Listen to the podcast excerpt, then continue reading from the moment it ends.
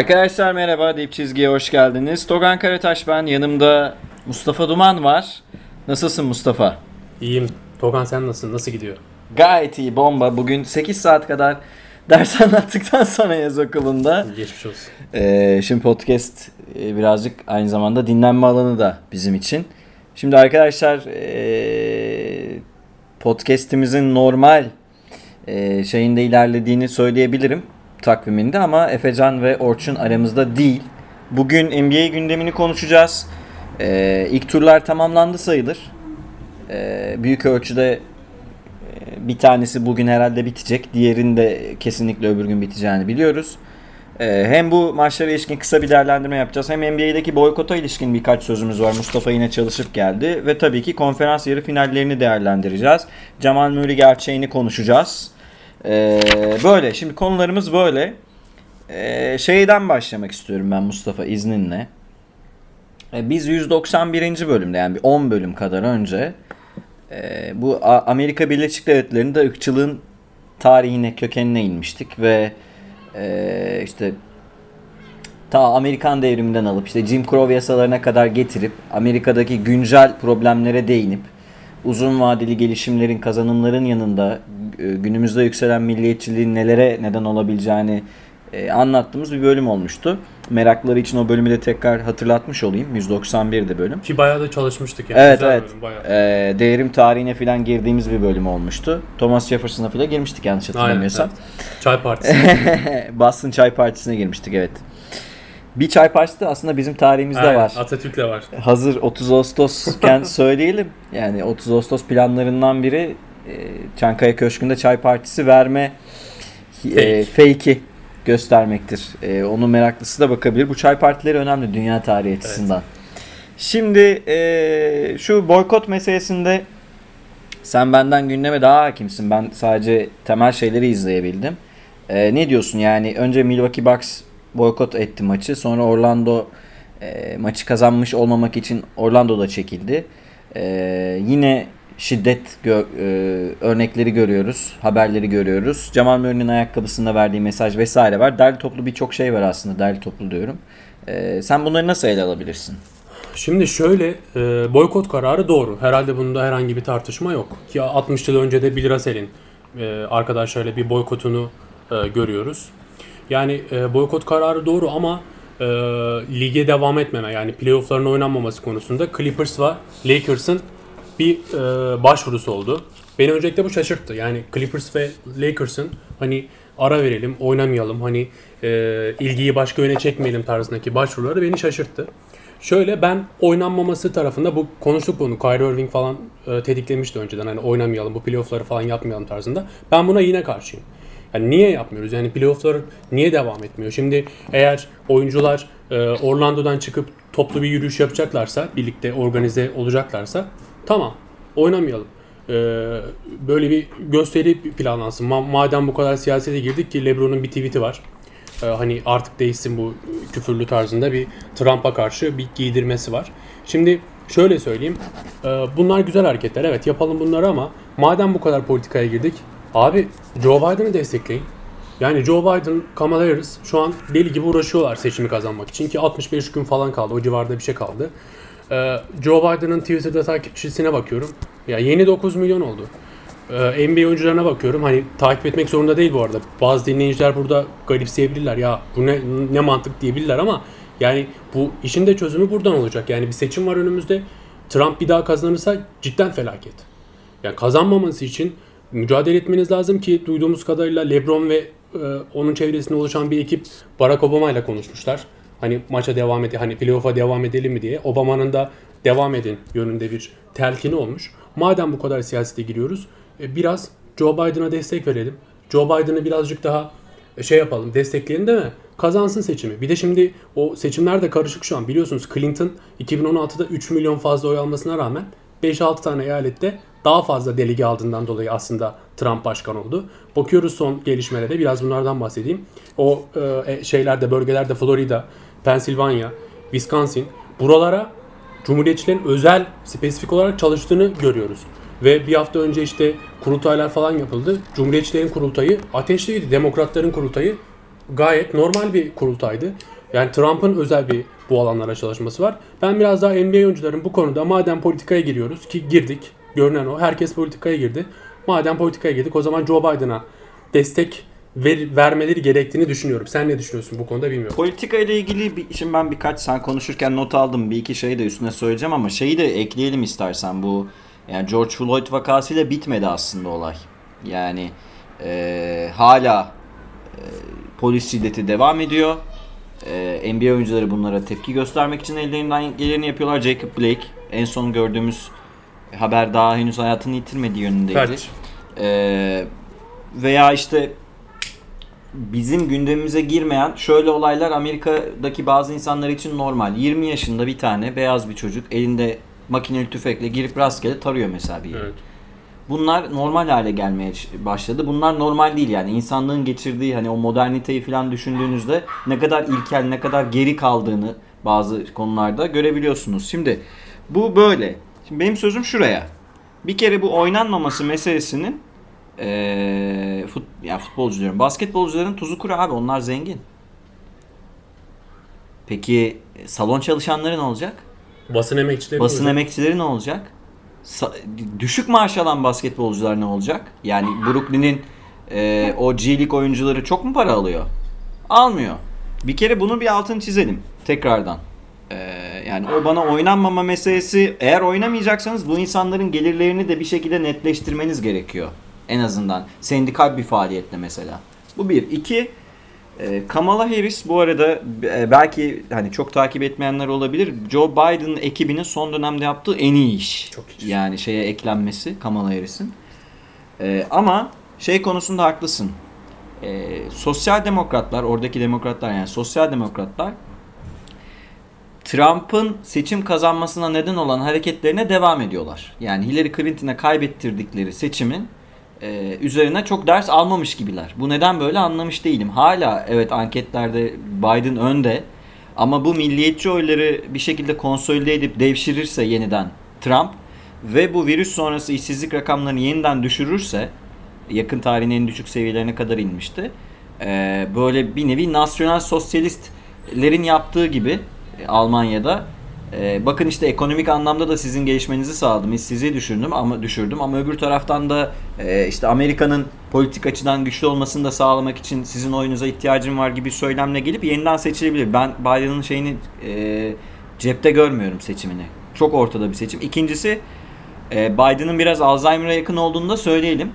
Yani canlı yayınlarda falan bir şeyler unutuyor bazen. Ne söylediğini, ne sorulduğunu unutuyor.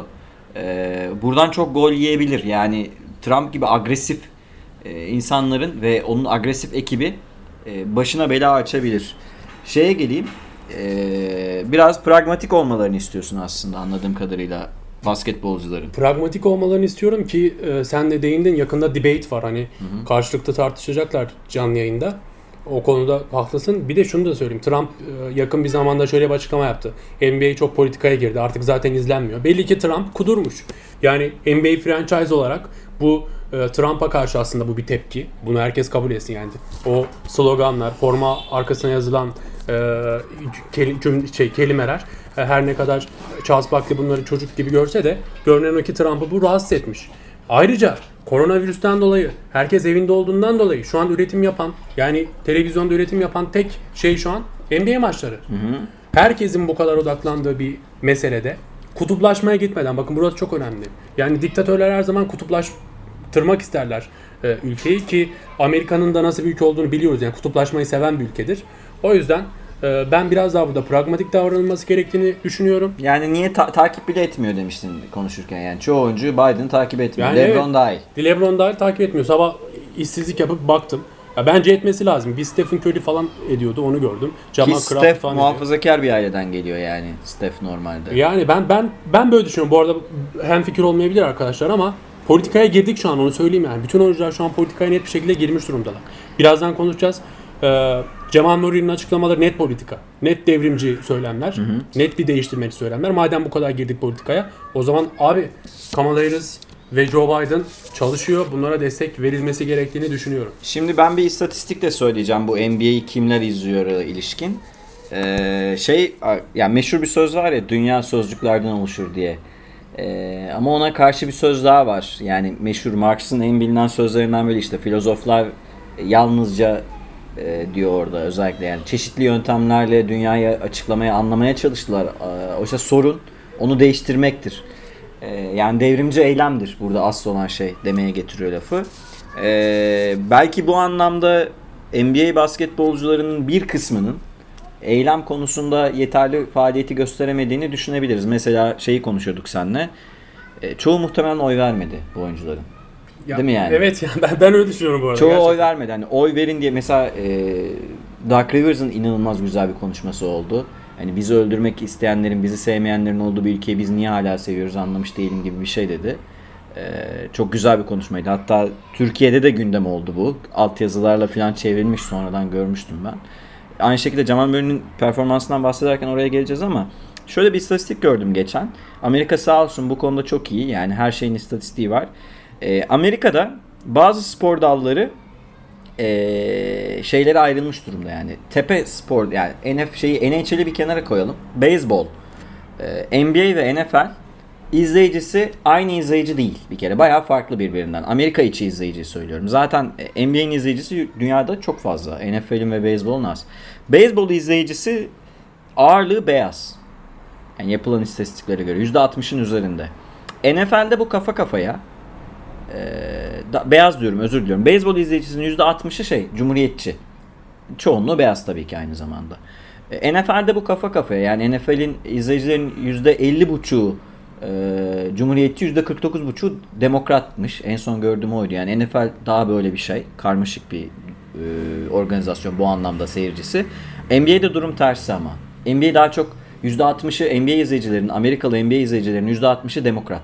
Yani bu e, doğrudan şey korelasyonu getirmez. Cumhuriyetçiler ırkçı o yüzden izlemiyorlar gibi bir korelasyon getirmez ama biliyoruz ki NBA'de bazı e, eyaletlerde bazı eyalet takımlarının mesela Utah gibi mesela hatta bence bazen Boston gibi e, ciddi şekilde ırkçılıkla e, ilişkili çok da iyi olmayan örneklerini biliyoruz geçmişten. Ki Bill Russell'ın yaptığı bazı şeylerden biri de kendi takımına karşıdır yani. Evet. Adam kendi forma emekliliğine çıkmama nedeni var.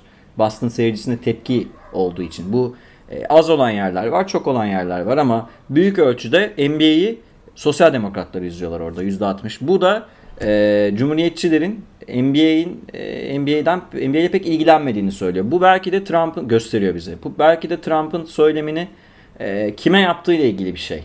Trump bunu dünyaya söylemiyor aslında. Kendi cumhuriyetçi seçmenine söylüyor. E, bu anlamda onlar için içsel olarak tutarlı bir söylem bile olabilir. Bunu bilmiyoruz. Çünkü e, evet kutuplaştırıcı bir şey. LeBron'un meselesine gelelim. Evet yani LeBron belki en iyiyi yapmıyor ama şimdi şu, bir de baktığımız zaman politik anlamda aktivistliği herhalde en iyi yapan kişilerden biri LeBron'dur. Yani bu anlamda bayrak taşıyıcılardan biridir. Belki LeBron da oy vermedi son seçim bunu bilmiyoruz. Ama şu net ki NBA'de politik anlamda gerek sözleri gerek eylemleriyle gerekse toplumda e, eşitsizliği yok etmeye yönelik çalışmalarıyla işte açtığı okul mesela. E, Lebron'u ben burada şu an NBA'in zirvesine yazıyorum. Oyuncularla yapılan toplantıda Lebron'un e, bazı şeyler sızdı. Kimisi yalan. Hani LeBron MJ'in de üstüne çıktığına yönelik. Şimdi LeBron'un MJ'den iyi oyuncu olup olmadığını tartışmıyoruz da şunu söyleyebiliriz. LeBron aktif bir oyuncu. MJ aktif bir oyuncu değil. MJ kulüp sahibi olarak orada. Şu sanırım olmuş benim hoşuma giden bir şey. E, Michael Jordan'ın e, bu oyuncular ve kulüp sahipleri arasında köprü vazifesini görebileceğine yönelik e, birkaç altyazı okudum ben. Yani daha doğrusu alt metin okudum. Satır arasında birkaç bir şey okudum. Bu olursa olumlu bir yere varılabilir açıkçası her iki açıdan da.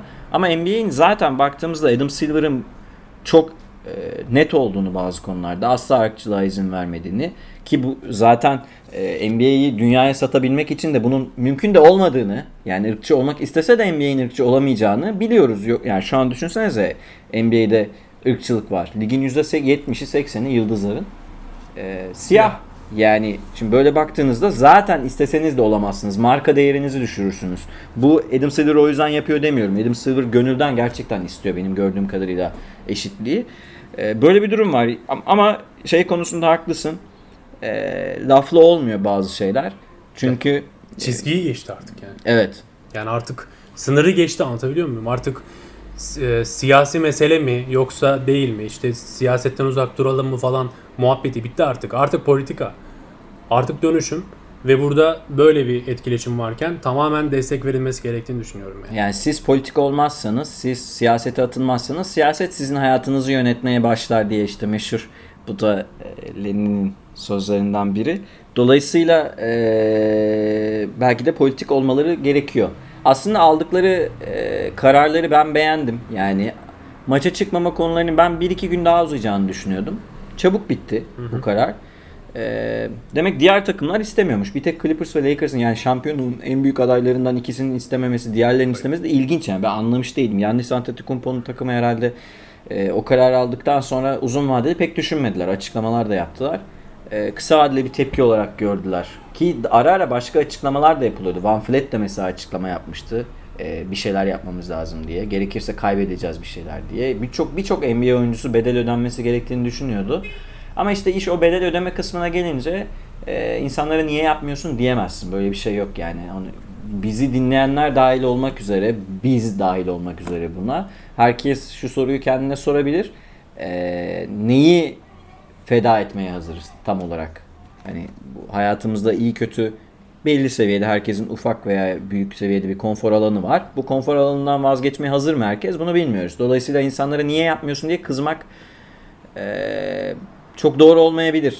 Vaktinde kız kızdıysam da hata yapmış olabilirim. Şu şurada kızarım ama. Yani topluma mal olmuş bir değersindir. Eee, o zaman eee, bazı görevlerin vardır. Yani tanınan bir sanatçı, tanınan bir sporcu. O zaman bazı eee, toplumsal anlamda görevlerin olur. Eee, bu muhaliflik gibi algılanabilir ama sadece muhaliflik değil. Bakalım yani nereye varacağını ben de merak Göreceğiz. ediyorum. Eee, Amerika'nın seçimi bütün dünyayı etkileyecek. Yani daha totaliter bir rejim mi geliyor dünyaya yoksa halkların e, totaliterliğe karşı bu kontrol rejimine karşı tepkisinin güçlendiği bir sürece mi gireceğiz? Göreceğiz. Ben de merak ediyorum. Evet burayı e, senin başka sözün yoksa geçeceğim. Yok, benim başka sözüm yok. Evet şimdi arkadaşlar e, şu meşhur Denver Utah serisini bir konuşalım. Biz e, şu an yayını yaparken 3-3 seri. Evet. E, maç oynanacak bir gün sonra ve e, 3-1 öne geçmesine rağmen Utah e, Jamal Murray'nin anormal yaptığı işler ve biraz da aslında şeyin e, Mike Malone'un ufak tefek değişiklikleriyle Jamal Murray'e de anahtarı tamamen vermesiyle birlikte gördüğümüz şey şu ki 3-3'e geldi seri ve hatta Denver seriyi alacak gibi duruyor. Sen ne diyorsun? Özellikle 6. maç özelinde. Şöyle e, genel bir değerlendirme yaparsak e, serinin en sert maçı yani en sert serisi Dallas'la Clippers'ta açık ara. En zevkli de böyle izlerken ayağa kalktığımız seride kesinlikle Utah Jazz ve Dallas Mavericks serisi. Dün de inanılmaz bir son oldu. Jamal Murray ile Mitchell'ın karşılıklı atışmalarını izledik. Utah Denver serisi. Şey Utah Denver serisinde Jamal Murray ile Mitchell'ın inanılmaz atışmalarını izledik son 5 dakika kala. Ee, ki Jamal Murray yanılmıyorsam 4 tane üçlük attı. Bir tane de orta mesafe attı arka arkaya. Ee, şöyle söyleyeyim maçın genelinde Jamal Murray'e geleceğiz. Mitchell'a geleceğiz ama şunu vurgulayalım. Hani sabah uyansam bana deserdi ki e, işte Jamal e, Gary Harris oynadı, döndü. Ondan sonra Michael Porter Jr. oynadı. İşte 4-5 sayı attılar falan. Kim yenmiştir? Büyük ihtimalle sen de derdin ki herhalde Utah aldı değil mi? Ha, buna rağmen Denver'ın bu maçı kazanması büyük bir olay. Burada bazı e, spesifik meseleler var. Bunlardan bahsetmek istiyorum. Belki çok fazla bahset bahsedilmez ama dinleyiciler eğer maçları takip, takip etmişse ne demek istediğimi anlarlar. Mason Plumlee'nin inanılmaz bir etkisi vardı. Sıfır sayı attı ama gerçekten maçın kırılma noktalarında aldığı 2-3 hücum ribandıyla 2-3 3 hücum ribandı aldı. Bir tane hücum ribandında tam böyle e, hani dönüşüyordu oyun. Jamal Murray bir pas çıkardı. Jamal Murray turnike bıraktı. E, penetre yaptı. Yani Mason Plumlee'nin burada etkisi büyük. Önce onu bir oturtalım. Mason Plumlee'nin bir tebrik etmek lazım. Sonra Jamal Murray'nin belli başlı rekorları var. Bunlardan başlayalım. Bir, rekordan önce Jamal Murray'nin son 3 maçı e, 47.3 sayı ortalama. 142 sayı attı. Evet. 164 %64 şut yüzdesi, 7 asist, 8 rebound ortalama ve bunların hepsini toplam 3 maçta 5 top kaybıyla yaptı. Yani bir pivot e, ayarında yüzde yapıyorsun ki dün dünkü maçta sanırım %70 de oynadı. Evet dün de %70.8 de oynadı.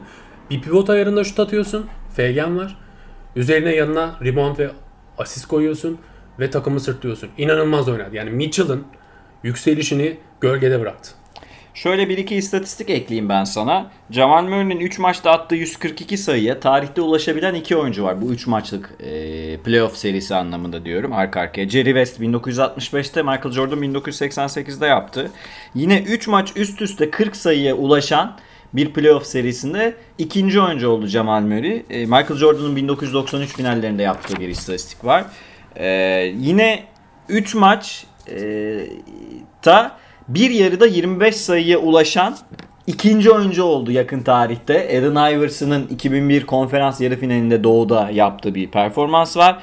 Ve bir şey daha elenme maçında yani bu maçı kaybetse eleniyordu Denver. Elenme maçında 50 sayı atan ilk oyuncu oldu son 30 yılda. Ona en son işte Witt falan yapmıştı. Yani basketbolun çok daha farklı oynandığı dönemlerde.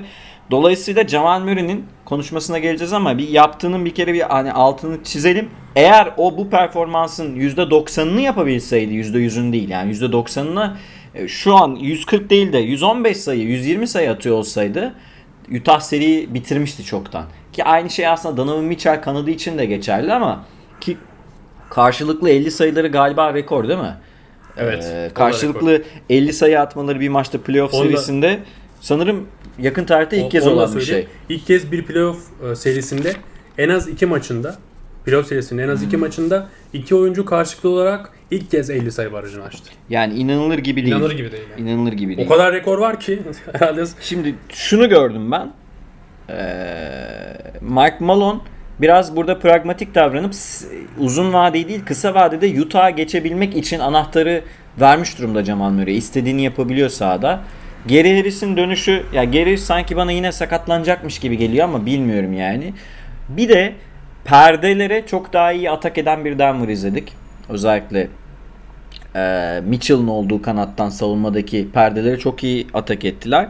7. maç için ne düşünüyorsun ya da 6. maçla ilgili başka notun varsa onu da dinleyebilirim memnuniyetle. Yani Utah'ta sorun e, şu e, son çeyreğe gelince e, sadece Mitchell sorumluluk alıyor. Diğer oyuncuların da eli titriyor. Bakıyoruz yani Royce O'Neal'a top geliyor. Kullanamıyor yani titriyor. Mitchell arıyor. Hani kurşunları çok az. O kadar az kurşunları var ki yani ne yapabilirler? Yani 48 dakikayı nasıl geçirecekler? Hani işte evet. E, ki 3-1'den dönerse de bu tarihe geçecek. Çok az sayıda sanırım bir 14 ya da 15 olması lazım. Yani %96'ya %4 diye biliyorum dönme oranı. E, bir de bunu başaracaklar ki ben Denver'ın 7. maçta yani e, tek maçlık olarak düşünüyorum şu an. Denver'ın silahının daha fazla olmasından ötürü 7. maçı alacağını düşünüyorum. Yani e, Utah zaten hani 7. maçı geçse bile ondan sonraki yarı finalde nasıl gücü yetecek? O da ayrı mesela tartışması, tartışması yani gereken onu, bir konu. Onu ayrı ayrı mı konuşsak bilmiyorum ama ben Denver'ın bu seriyi e, biraz Paul Pierce bilmişliği gibi seri bitti falan diye böyle 2-0'a gelince Paul Pierce seri bitti diyor ya sonra 2-4 bitiyor seri falan. Ya Denver seriyi aldı gibi görünüyor. Çünkü Utah dediğin gibi hücum gücü belli olan bir takım. Aslında her zaman Gober'den müthiş bir hücum e, verimliliği alamadığınız zaman iki buçuk kişi, kişiye iniyorsunuz. Yani Conley ve e, Mitchell'in eline bakıyor perimetrede takım.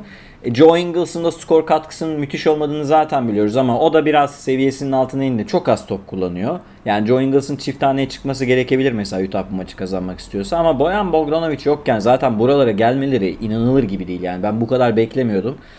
Ee, Jamal Murray San Antonio Spurs'a karşı 3-2'den de döndüm, döndüklerini söylemişti. Şimdi 3-1'den dönüyorlar. Döndüler daha doğrusu ve seriyi kazanma eşiğine getirdiler. Gerçekten büyük iş yani e, bu anlamda büyük iş ama Denver'ın e, daha rahat geçmesi gerekiyordu bu seriyi. Özetle benim söylemek istediğim şey bu. Yani evet. nihai olarak tabloya baktığınızda bu serinin 3-3 olmaması lazım. 4-1 4-2 bitmiş olması lazım. Tabi playoff. Playoff'larda e, her şey değişebiliyor. E, böyle Houston'la ilgili notumuz var. Biz Houston'la arkadaşlar seriyi bugün bitireceğini düşünüyoruz. Yani Oklahoma'nın seriyi uzatabileceğine ilişkin pek inancımız yok. Hatta şöyle söyleyeyim. Houston'ın 34 sayılık e, son galibiyeti franchise rekoru oldu. Hı hı. Ve D'Antoni döneminde yedikleri en az sayıya ulaştılar playoff'ta. Ee, hani ve Eric Gordon perimetrede şut bulamamasına rağmen 20 sayıyı görmesi onlar için olumlu bir şey. Covington 11'de 6 üçlü inanılır gibi değil yani. Bayağı iyi soktu. Sadece şeyi anlamadım. Neden e, hani Haas daha iyi oynarken niye Gordon'la ısrarla ilk 5 deniyor? Paul George gibi onu da kazanmak mı istiyor bilmiyorum ama Cevabı şu an. Evet muhtemelen o Cevabı ama, ama yani formayı Haas hak ediyor onu söyleyebilirim. Muhtemelen geçecekler. Yani o seri bitti gözüyle bakıyorum ben Westbrook'un da dönüşüyle birlikte. Ki Westbrook çok büyük bir şey üretmedi kendi potansiyeli çerçevesinde ama yani bizim beklediğimiz eşleşmelere gelelim. Şu, şu Ha, ama şu Cemal Murray şeyini söyleyelim değil mi? O, asıl onu unuttuk ya. Cemal Murray'nin konuşmaları vardı değil mi? Cemal Murray'nin konuşmanı söyleyelim. Sonra OKC hakkında da bir şeyler söylemek istiyorum. Yani Cemal Murray dün e, ayakkabısına hem George Floyd'un hem de Breonna Taylor'ın e, resmini yaptırmıştı ve maçtan sonra aslında çok fazla da duygusal bir konuşma yaptı. E, yani bu ayakkabıları dünyanın her yerinde savaşmaya devam etmek için bir sembol olarak giyiyorum. Kolektif olarak hani NBA olarak savaşıyoruz. Savaşmak için bir değer buluyoruz. Ee, bu ayakkabılar bana daha fazla güç veriyor dedi. Sonra da e, başka açıklamaları da var. İşte hani bunlar bu tarz olaylar sadece Amerika'da olmuyor. Her yerde oluyor.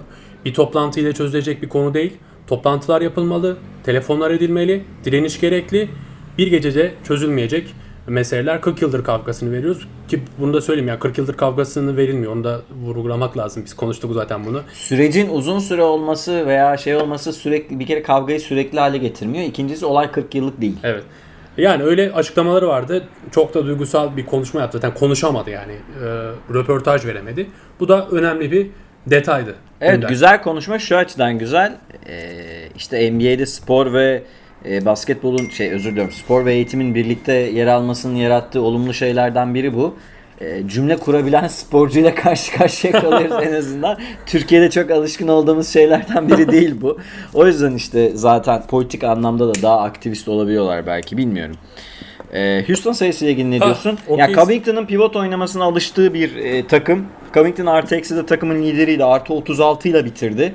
Covington otururken eksi 2 idi Houston. Ya Covington'ı zaten önceden de kayıtlarda vurgulamıştık. Hani e, hücuma katkı vermesi gerektiğini söylemiştik. Çünkü Westbrook'un olmayışında ki dün res, e, Westbrook vasat döndü. Yani 13'te 3 attı. OKC cephesinden de parlak bir takımdı ama yani e, son maçı şey 8'de 2 attı. Gallinari 5'te 0. Dort 16'da 3. Hatta 9'da 0 üçlüktü galiba. Yani evet. No- Noel 4'te 1. Schroeder 13'te 6. Chris Paul 13'te 6. E, Bezli 10'da 2 attı. Yani Bezli midir, bizli midir ne? Neyse Efe yani. Can'ın bezlisi. Bezli herhalde. Bezli. Bezli, bezli, bezli. Yani o yüzden çok kötü bir şut attı. Ya bu kadar kötü bir şut yüzdesini atarsan 3 kartlı bir sistemde değil mi? Mümkün değil. Mümkün değil Mümkün yani. değil. Yani zaten ama şey bu, bu serinin çok fazla e, yani şöyle 3 gardın birden verimli olduğu maçı kazanıyor zaten Oklahoma. Kazandı da zaten. Yani Chris Paul'un yönettiği ve 3 gardın birden verimli olduğu maçı kazanıyor ama öbür türlü karşı tarafın atış gücü sizden çok daha fazla. Yani kötü gününde Harden 30'u buluyor abi yani adam öyle bir anormal ki yani Harden'ın pas ve skorerlik yeteneğine NBA tarihinde eşleşebilecek çok az oyuncu var yani. Jordan ya, ya ama şimdi pas yeteneği Harden'ın daha iyi diyenler olabilir. Ee, Jerry West hani Oscar Robertson gibi hem skoru hem pası böyle çift taneli e, çıkabilecek yoksa hani Kobe Bryant'ı falan bu yüzden demiyorum ben hani işin oyun kurma tarafında da çok az oyuncu var. Bu anlamda zaten elinizde böyle bir özel bir yetenek varken e, bir de bench'ten Jeff Green falan son maç hariç fena bir seri geçirmediği için e, rahat gidiyorlar. Sadece e, PJ Tucker'la e, Schroeder arasındaki kavga şeydi. Hı hı. PJ Tucker özrünü kabul etmedi Schroeder- Schroeder'in. Çok da haksız sayılmaz gerçi ama bakacağız. Eric Gordon hayata perimetrede değil ama boyalı alanda döndüğünü söyleyebiliriz. Ya Houston'ın en rahat maçıydı Bubble evet. Alacağını düşünüyoruz herhalde. Harden'da 30 dakika altı oynadı diye hatırlıyorum. Evet. Gayet rahat bir maç geçirdiler. Ee, Alacağını düşünüyorum sen. Tabii tabii Harden 29 dakika oynadı. Şimdi o zaman bizim kafamızdaki eşleşmeler şöyle. Doğu zaten arkadaşlar e, yani bir maç kazanabildi e, Doğu'nun 5 ve 8. takımları. Oynadıkları bu 4 seride toplam bir maç kazandılar. 16-1. Doğu'nun ilk 4 takımının ikinci 4 takımına yaptığı e, galibiyet farkı 15 yani. Bu en son 1989'da Batı Konferansı'nda oldu ilk turda. Ee, 12-1'di ama o zaman seriler 4 maç üstünden değil 3 maç üstünden oynanıyordu. Hatta 2002-2003'e kadar falan bu böyleydi. Ee, yani, yani Doğu'nun rezilliği zaten ortada. Ona da geleceğiz. Çünkü şey Boston serisi başlamışken ona geleceğiz. Ona özel olarak konuşacağız Toronto Boston serisi ama bir Batı'yı birazcık bir ele alalım. Şimdi Lakers e, izninle şeyi söyleyeyim. E, Lakers'ta yani serinin 4-1 biteceğini zaten tahmin etmiştik. Yani Lillard'ın ve Nurkic'in o yorgunluğundan sonra ama Melo ve e, LeBron 35 yaşın üstünde 25 sayıya çıkarak en son şey vardı böyle ee, şey Joe Johnson'la şey yapıyordu. Jamal Crawford senin power adamın böyle karşılıklı bir 25-30 atmışlardı. Böyle yaşlı kurtların skor attı ama tabii ki Lakers'ın rahat kazandığı bir seri oldu. 4-1. Ee, ben sana Clippers serisinden başlayarak aslında soruyu Hı-hı. sormak istiyorum. Çünkü Clippers muhtemelen Denver'ın rakibi olacak. 4-2 geçti. E, Doncic'in efsane oyunu, Kavay'ın efsane oyunu var. Ee, ne diyorsun? Bir de tabii ki Marcus Morris gerçekliği var. Şimdi Marcus Morris'le başlayalım. Evet. Şimdi e, Marcus Morris e, e, dün atıldı bildiğiniz gibi takip eden arkadaşlar için. E, Doug Rivers'ta bir açıklama yaptı. Dedi ki Marcus Morris olduğundan dolayı, ismi Marcus Morris olduğundan dolayı atıldı. Ya saçmaladı. Yok öyle bir şey. Yani ki Marcus Morris de Doncic'in e, bundan önceki maçta yani bir önceki maçta e, ayağına bastı bilerek. Bu da bilerek bastı yani açık net konuşmak gerekirse. Sakatlamaya yönelik bir e, hareketti. Zaza'nın Kava'ya yaptığı Aynen, gibi. Zaza'nın Kava'ya yaptığı gibi. Maçtan sonra da tweet attı. E, işte ben böyle bir şey yapacak oyuncu değilim tarzında. Hani spor hayatımda böyle bir şey yapmadım tarzında. Kimse de inanmadı. Zaten e, yani dinleyenler de izleyenler de takip ederler. New York'ta oynarken Justin Anderson'ın kafasına topu vurmuşluğu var. Yani. Evet. Hiç kimse de inanmadı Marcus Morris'in bu açıklamalarına. Ayrıca şu da var. Şimdi Marcus Morris'in dün iyi başladığı bir maçta böyle bir şey yapması Clippers'ın seriyi geçmesine gölge düşürdü. Zaten gölge düşen bir seri. Doncic'in muazzam oyunu. Porzingis'siz Dallas'ın Clippers'ı belli alanlarda gölgede bırakması. Hani böyle bir seride Clippers daha da gölgede kaldı. Onu söylemek lazım. Ayrıca Clippers'ın da gördüğümüz kadarıyla hater'ı çok fazla artmış durumda. yani normal olarak. Dün gece çok oldu iş. Bayağı bir arttı. Evet, Beşe art, katlandı. Artmış durumda. Şimdi maça gelirsek. Ya ben biraz Doncic'ten, Don, Doncic'ten konuşmak istiyorum. Hı-hı. Şimdi e, dün hani Doncic'in defalarca bu kayıtlarda nasıl bir oyuncu olduğunu konuştuk. Doncic'le ilgili şöyle bir aklıma bir şey geldi dün. E, Doncic'in maçtan sonra da böyle biraz son dönemde evrildiği penetreleri izledim. Ee, ki dün de bir pozisyon vardı Harrell'a karşı. Şimdi Harrell'ı geçti. Turnike atacak. Arkadan Harrell'ın geldiğini gördü. O an ikinci adımda.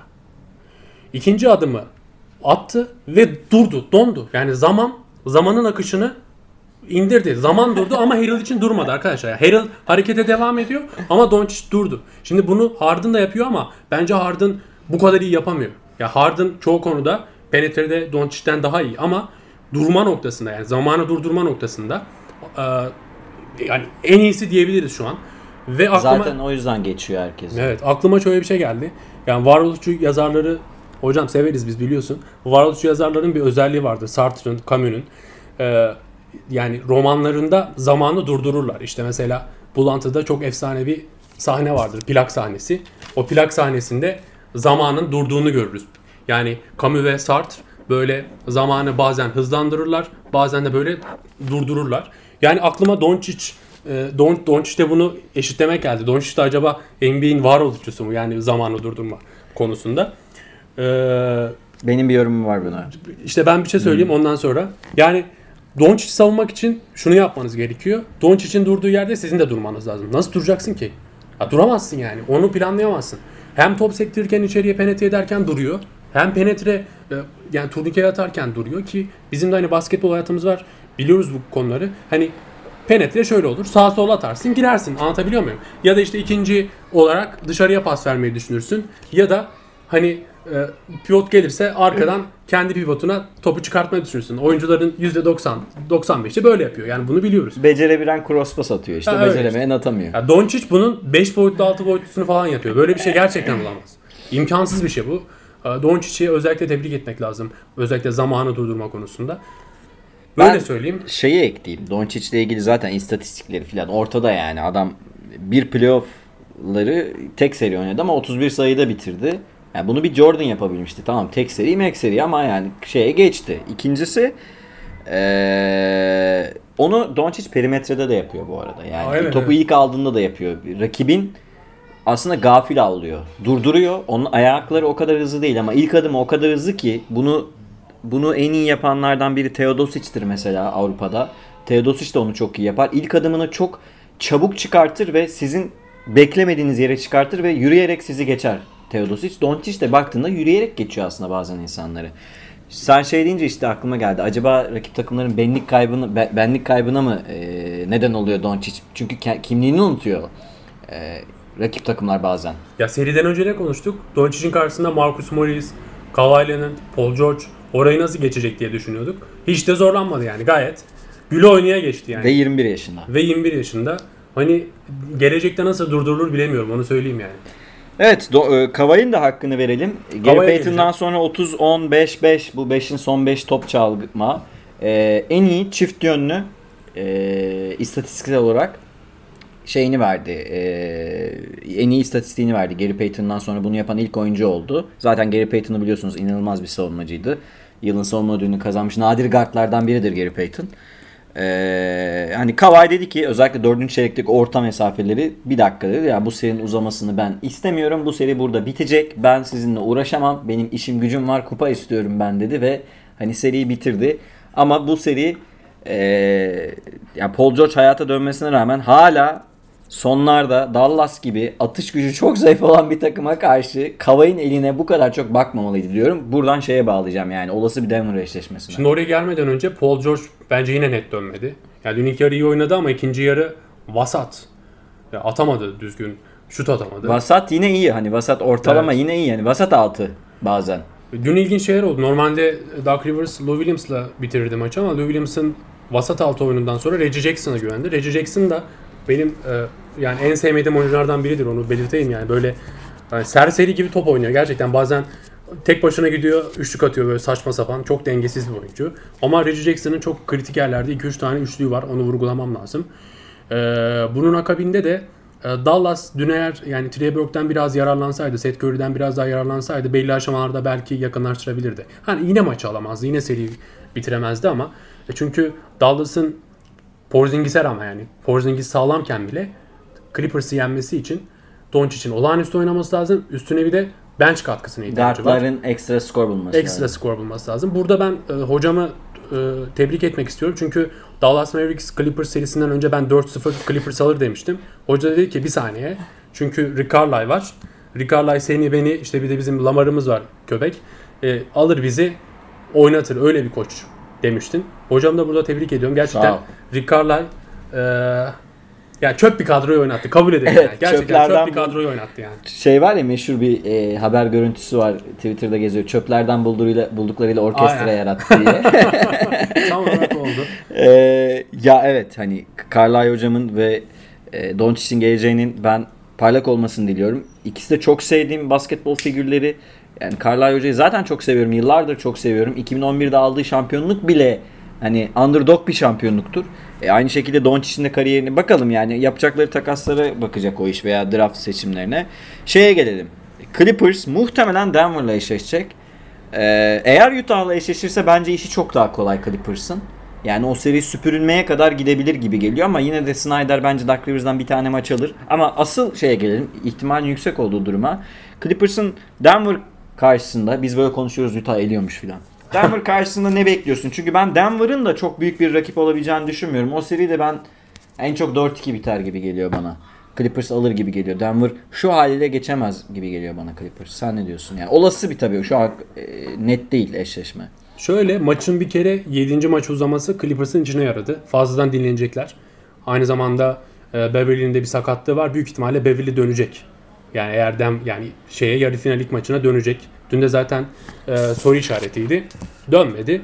E, yani ben Beverly'nin de dönmesiyle birlikte ha bu arada söyleyeyim yani şer koyayım buraya. Clippers e, berbat top oynuyor.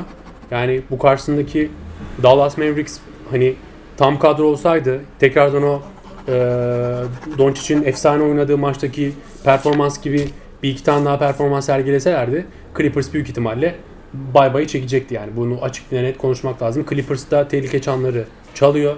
Bundan önceki kayıtlarda biliyorsunuz ben Clippers'ın e, yani güveniyordum kadro derinliğinden dolayı.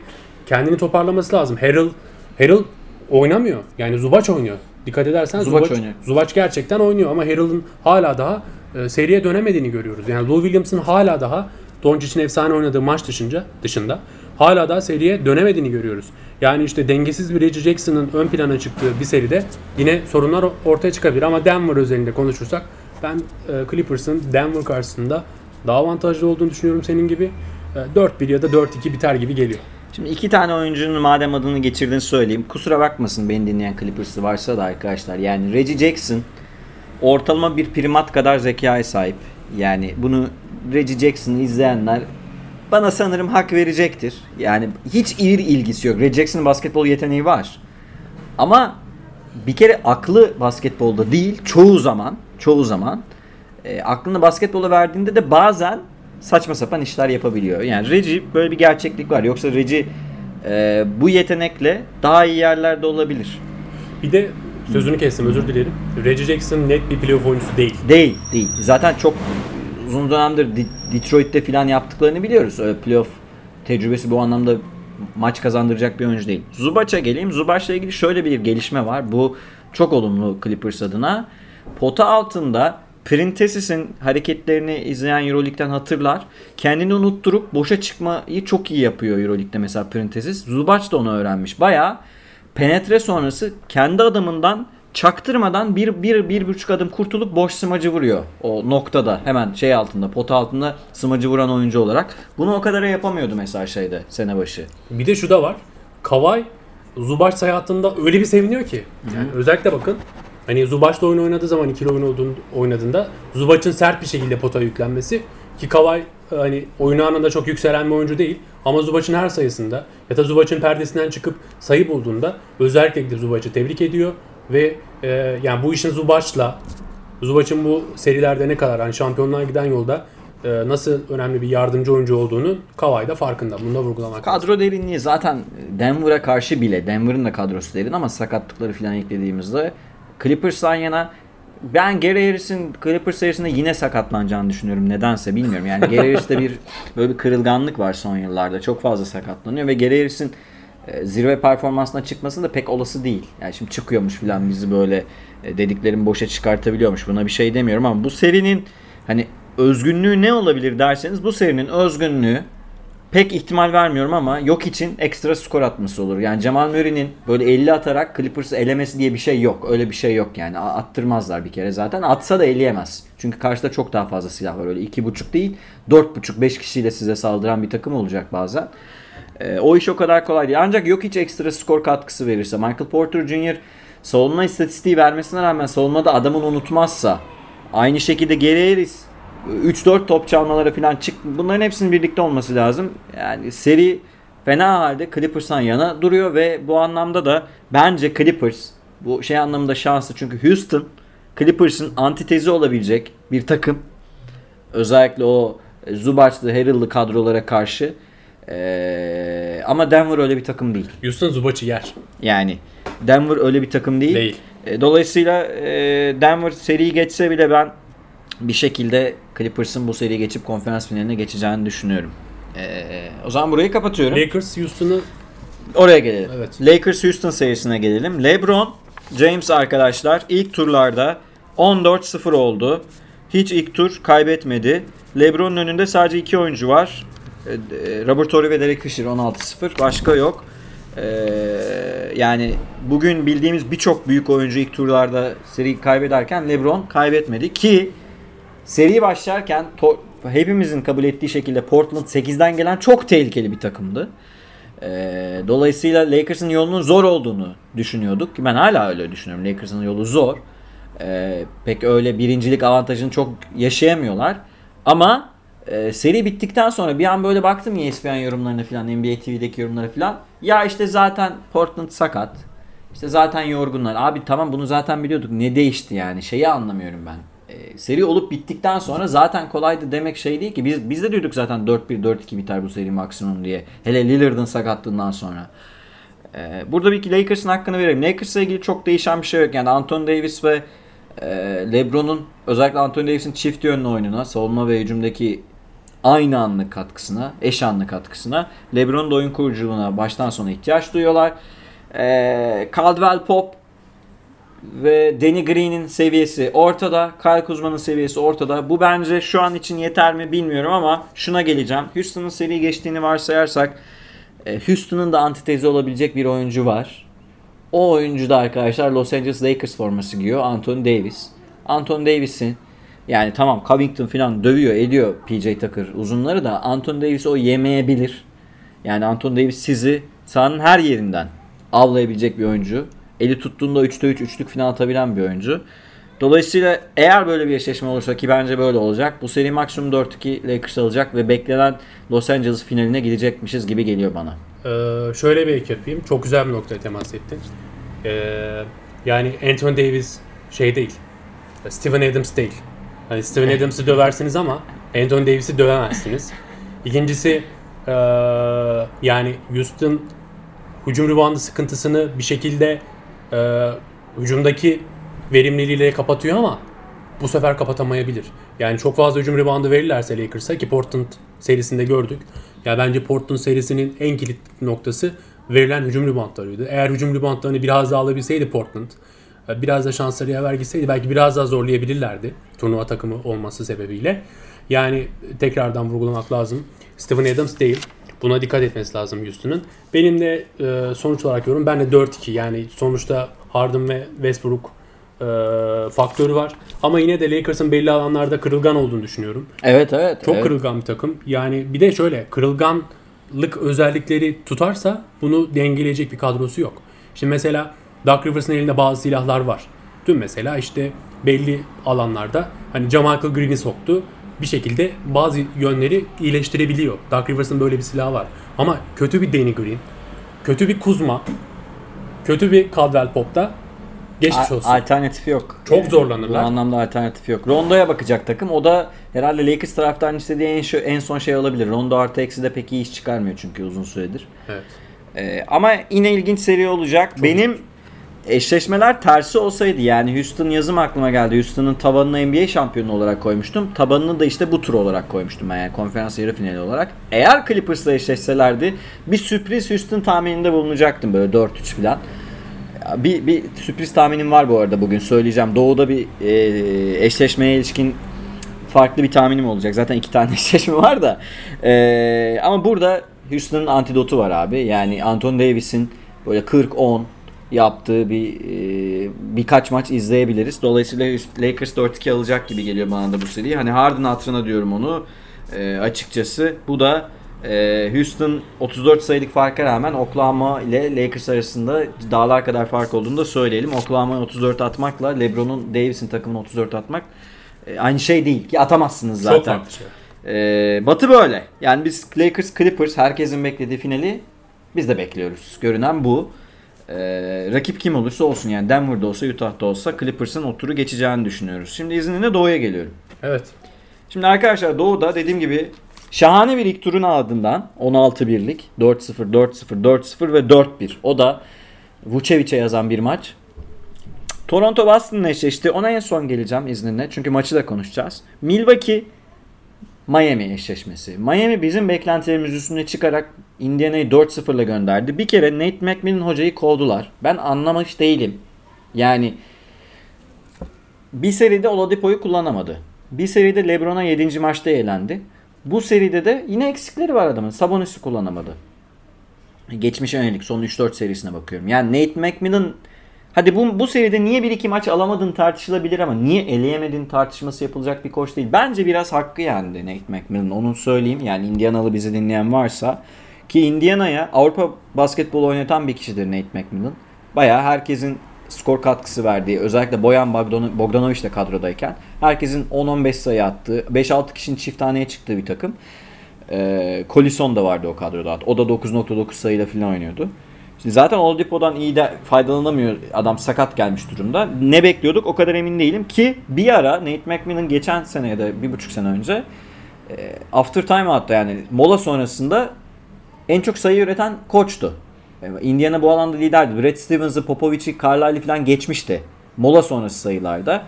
Ben biraz hakkını yendiğini düşünüyorum Nate McMillan'ın. Ne bekleniyordu bilmiyorum ama Ee, artık Indiana'yı seneye yeniden izleyeceğiz. Miami Milwaukee eşleşmesine ilişkin ben ee, bilmiyorum senin hani ufak da olsa bir fikrini alayım. Benim sürpriz şeyim burada. Ben Miami'ye vereceğim çünkü oyumu. Sen ne diyorsun? Ya çok zor soru biliyor musun yani gerçekten bu seri e, Yani Yannis özür diliyorum böyle kestim ama Yannis hani böyle 30 10 5 5 falan böyle anormal istatistikler yapıyor. Üst üste yapıyor bile bunu. Tarihe geçiyor. Yannis'in de böyle anormal istatistikleri var da Doğu'da tabii bunu unutmayalım. bir de e, o, yani Milwaukee Orlando'ya karşı durduruldu. Yani Orlando bir kere durdurdu en azından. Bunu seyrettik biz. Evet. Bunu gördük yani. Yenilmez değiller. Bunu bi- bize ilk maçta e, alan savunmasıyla kanıtladı. Sonradan çok tutmadı bu iş ama e, ben de bu- bu seriye senin gibi sürpriz kodla bakıyorum. Herhalde sen 4-3 mü diyorsun? Ya 4-3 ya da 4-2 içimden Miami Miami alacak diyorum ama düşünüyorum sen konuşurken net kararımı vereceğim. Son dakikacım böyle. Ya çok çok zor. ben de Miami diyorum ya. 4-2-4-3 bir şey diyorsun ama herhalde. 4-2-4-3 evet çok zor olacak ama en sonunda Miami üstün gelecekmiş gibi. Şimdi burada dip çizgi ekibi sürprizi oynuyor arkadaşlar. Herkesin beklediği Milwaukee'nin e, doğuyu hatta kazanması beklenen takım NBA e, camiasında. Ben nedenlerimi söyleyeyim. Bir kere Milwaukee'nin yaptığı iş şuydu sene boyu ve bunu zaman zaman Orlando'ya da yaptığını biz gördük. Üçlüyü riske etmek. Abicim üçlüyü Miami'ye riske edemezsiniz. Böyle bir şey yok. Yani Miami'ye üçlük riske etmek diye bir şey yok. İçinizden geçerler. Yani Duncan Robinson, Butler bile Jim Butler bile şut sokmaya başladıktan sonra zaten perimetrede hiçbir oyuncu riske ede- edemezsiniz. Hatta switchlemeniz lazım. Perde çıkışlarını falan switchlemeniz lazım. Duncan Robinson'a yarım saniye yetiyor çünkü. Bir kere böyle bir sorun var. Yani ana silahınızı boşa çıkartacak bir rakip var karşınızda. Evet daha güçlü Milwaukee. Kadrosu daha iyi yani baktığında rating toplamı daha iyi bir takım Milwaukee. Ama size çok ters gelebilecek bir takım. Ve ana silahınıza karşı sene boyu iyi oynadığı bir şey var. Bombalıyorlar perimetreden. İkinci husus serinin kritik adamına geliyorum. Bam Adebayo. Bam Adebayo şu an eski Horford gibi e, muhtemelen lig üzerinde Yannis Antetokounmpo'yu en iyi durduran oyuncu. Onun da istatistiğini buldum söyleyeyim. Yannis Antetokounmpo bu sezon pozisyon başına 1.16 sayı buluyor. Bu şut başına değil. Pozisyon başına yani top kayıpları falan da dahil buna arkadaşlar. Ee, peki Bam Adebayo Yannis'i tuttuğunda bu sayı kaça iniyor biliyor musunuz? 0.545. Fena. Bam Adebayo Yannis'le güç ve ayak çabukluğu açısından belki de eşleşebilecek tek oyuncu NBA'de. En iyi eşleşebilecek oyuncu en azından onu söyleyebilirim. Ve bu 0.545 Yannis'in kariyer minimumu. Daha önce Yannis'i bu kadar düşürebilen bir oyuncu olmadı. O yüzden Yannis ki e, rezalet bir şut performansı izliyoruz Yannis'ten. Potaya gitmediği pozisyonları söylüyorum. Rezalet şut performansı ve bence kötü tercihlerde izliyoruz. 30 falan atıyor ona bir şey demiyorum da. Şutu zaten problemli olduğu için gözümde hiçbir zaman Kawhi Leonard, James Harden, LeBron James seviyesinde değil. Playoff'lar için. Playoff'lar için söylüyorum. Ee, şut sorunu yine yaşayacak bence ve Bam Adebayo onun penetresini bence durdurabilecek güce sahip. Ee, aynı zamanda post-up'ını da durdurabilecek güce sahip. Ayak çabukluğu da çok yerinde olan bir oyuncu. Yannis'i epey yavaşlatacağını düşünüyorum Bam Adebayo'nun. Öte yandan Dragic gibi sizin çilingir bir oyuncunuz var. Ciddi şekilde Clutch'ta daha önceki programda söyledim size büyük katkılar veriyor. Tyler Hero beklentilerimizi aşmış durumda. Ve tabii ki Jimmy Butler e, abi olarak takımın lideri konumunda. Şimdi öbür tarafa geldiğimizde Middleton abi Orlando'ya kaç sayı attığı beni pek ilgilendirmiyor açıkçası Middleton'ın. Göreceğiz şimdi gerçek Middleton'ı. Middleton sevdiğimiz oyunculardan biri. İyi oyuncu Middleton. Ve verimli, efektif bir oyuncu Middleton. %100 şut atıyor ama e, orada işte biraz yürek de gerekiyor. Yani sizin baskı altında bu tip serilerde daha yürekli oynamanız ve bazen sahanın hakim olduğunuzu göstermeniz lazım. Onu George Hill bazen Middleton'dan daha iyi yapıyor. Ve ek olarak şunu söyleyeyim. Bu arada e, bu kadar kaliteli bir yorumu hiçbir yayında dinleyemezsiniz. Onu söyleyeyim yani. Çok kaliteli bir yorumdu. Teşekkür ederim. Ya özellikle Adebayo konusunda net bir şekilde istatistiklerle o istatistikleri bulmak da kolay değil. Tebrik etmek lazım. Bir de Middleton çok küsüyor abi. Küsüyor. Evet bravo.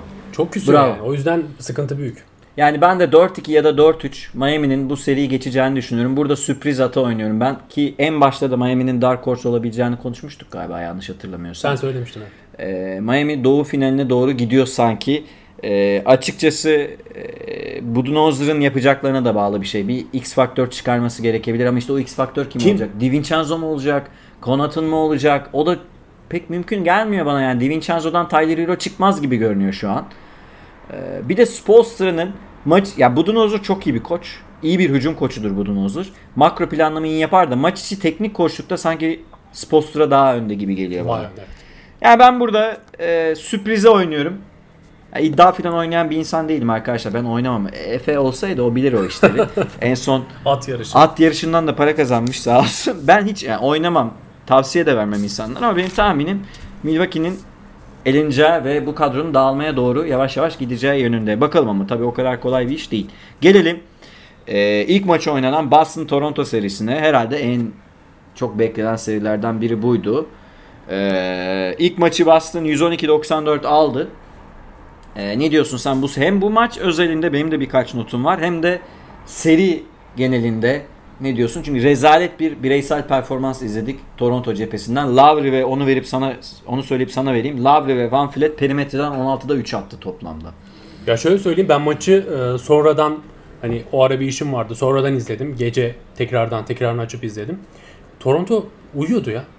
Yani Toronto izlerken uykum geldi. Toronto hücumlarında uykum geldi. Bir kere Toronto hiçbir şekilde bir oyuncusunu çıkaramadı. Yani bazı dönemler tam Siakam biraz çıktı gibi, Norman Powell biraz çık- çıktı gibi ama ilk kez Toronto'da bir oyuncunun sivrilmediğini gördük. Ki sanırım en fazla da maksimum 12 sayı attı diye hatırlıyorum herhalde e, Siakam. Öyle hatırlıyorum. 13. 13 sayı attı. Ki ilk yarı 3 sayıdaydı. Ha, ilk- bir de ilk çeyrek skoruna baktığımız zaman 39-23 Evet. şunu vurgulayalım. Nor- Norman Powell çeyreğin sonunda üçlük atmasa 39-20 idi. evet.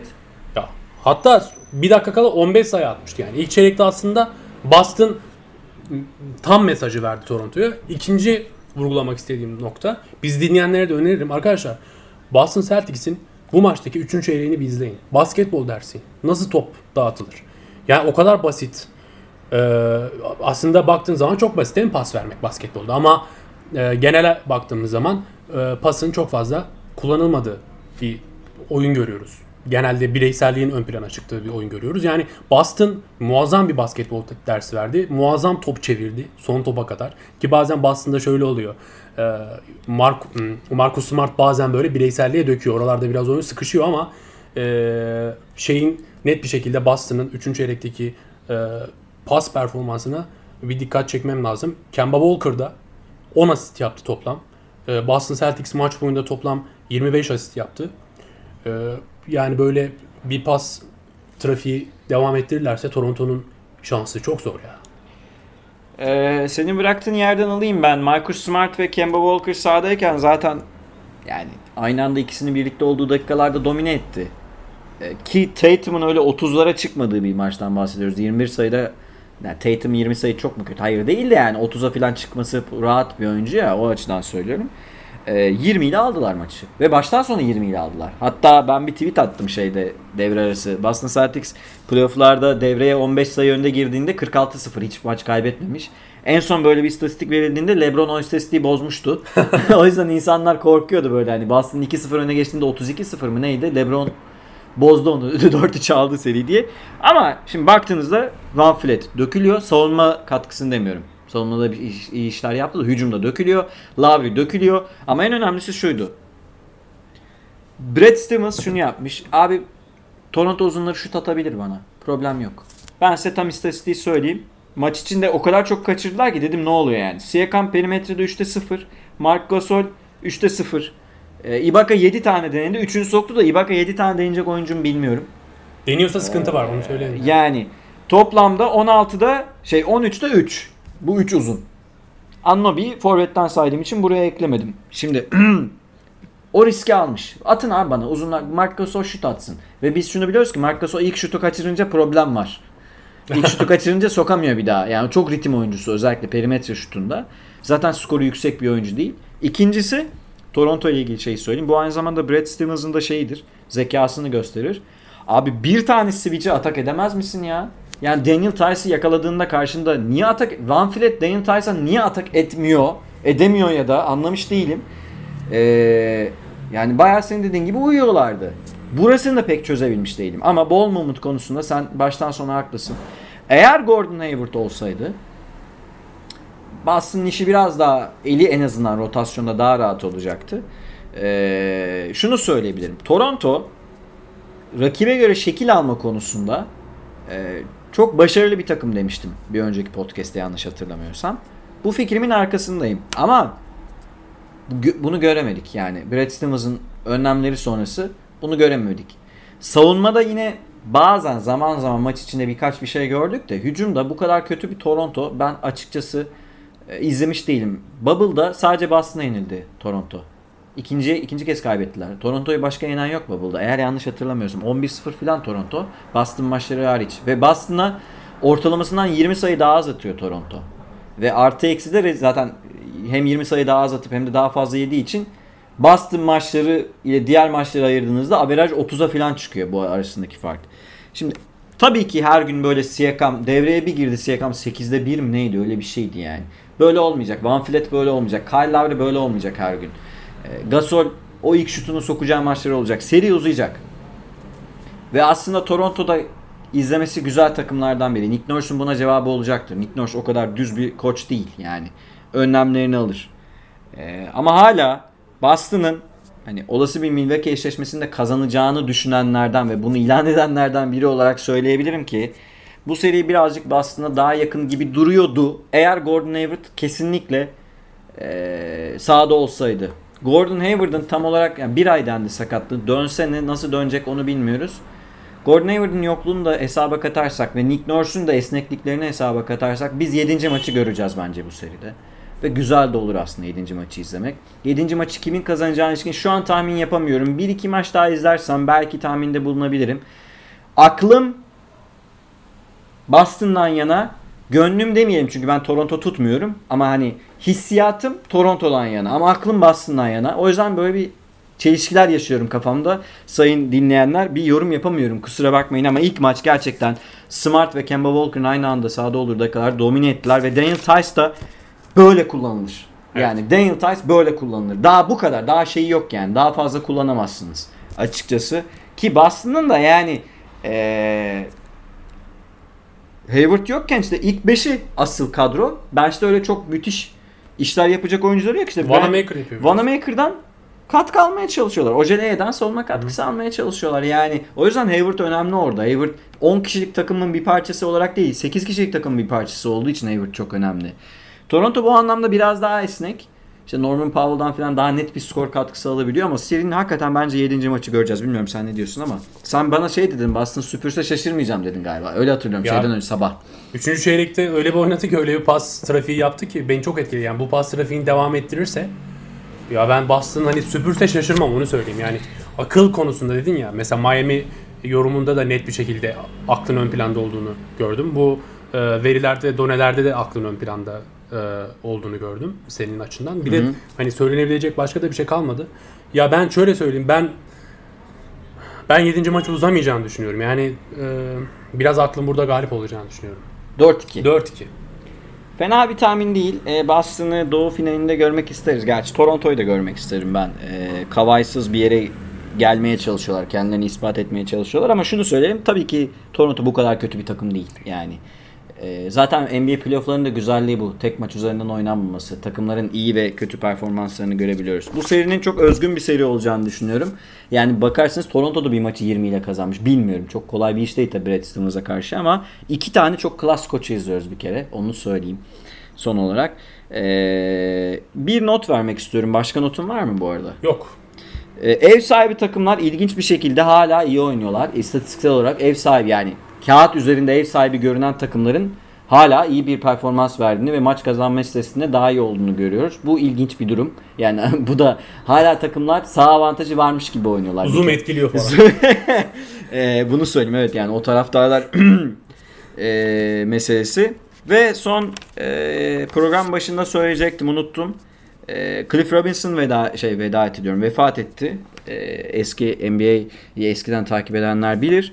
Yani Kobe Bryant, David Stern, Jerry Sloan, Cliff Robinson daha adını sayamadığımız birçok NBA figürünün e, hayatının e, sonlandığı bir yıl oldu ne yazık ki arkadaşlar. E, bu yıl pek iyi geçmiyor insanlık tarihi açısından. Ama NBA devam ediyor. Çok şükür NBA izliyoruz. Bir 1914 değil ama. evet evet. Dünya Savaşı'nın arifesinde değiliz ama Aynen, bir- bir- çok e, kötü geçiyor. bu yani. da zor bizim için. Evet. Şimdi bugün boykot meselesini konuştuk. E, konferans ilk turlarına ilişkin birkaç nokta yorumlar yaptık. Konferans yarı finallerini konuştuk. E, meşhur Denver Utah serisini incelemeye çalıştık ve kan gövdeyi götüren Doğu'yu 4-0 4-0'ların geçildiği Doğu'yu ele aldık. Bir sonraki programımızda arkadaşlar umarım e, eğlenceli bir şekilde maçlar ilerliyor olur ve biz de e, programımıza devam ederiz. Bu arada unutmadan e, bunun önceki e, podcast'imizde 200. kaydımızda gösterdiğiniz ilgiden dolayı da teşekkür ederiz. Ha evet.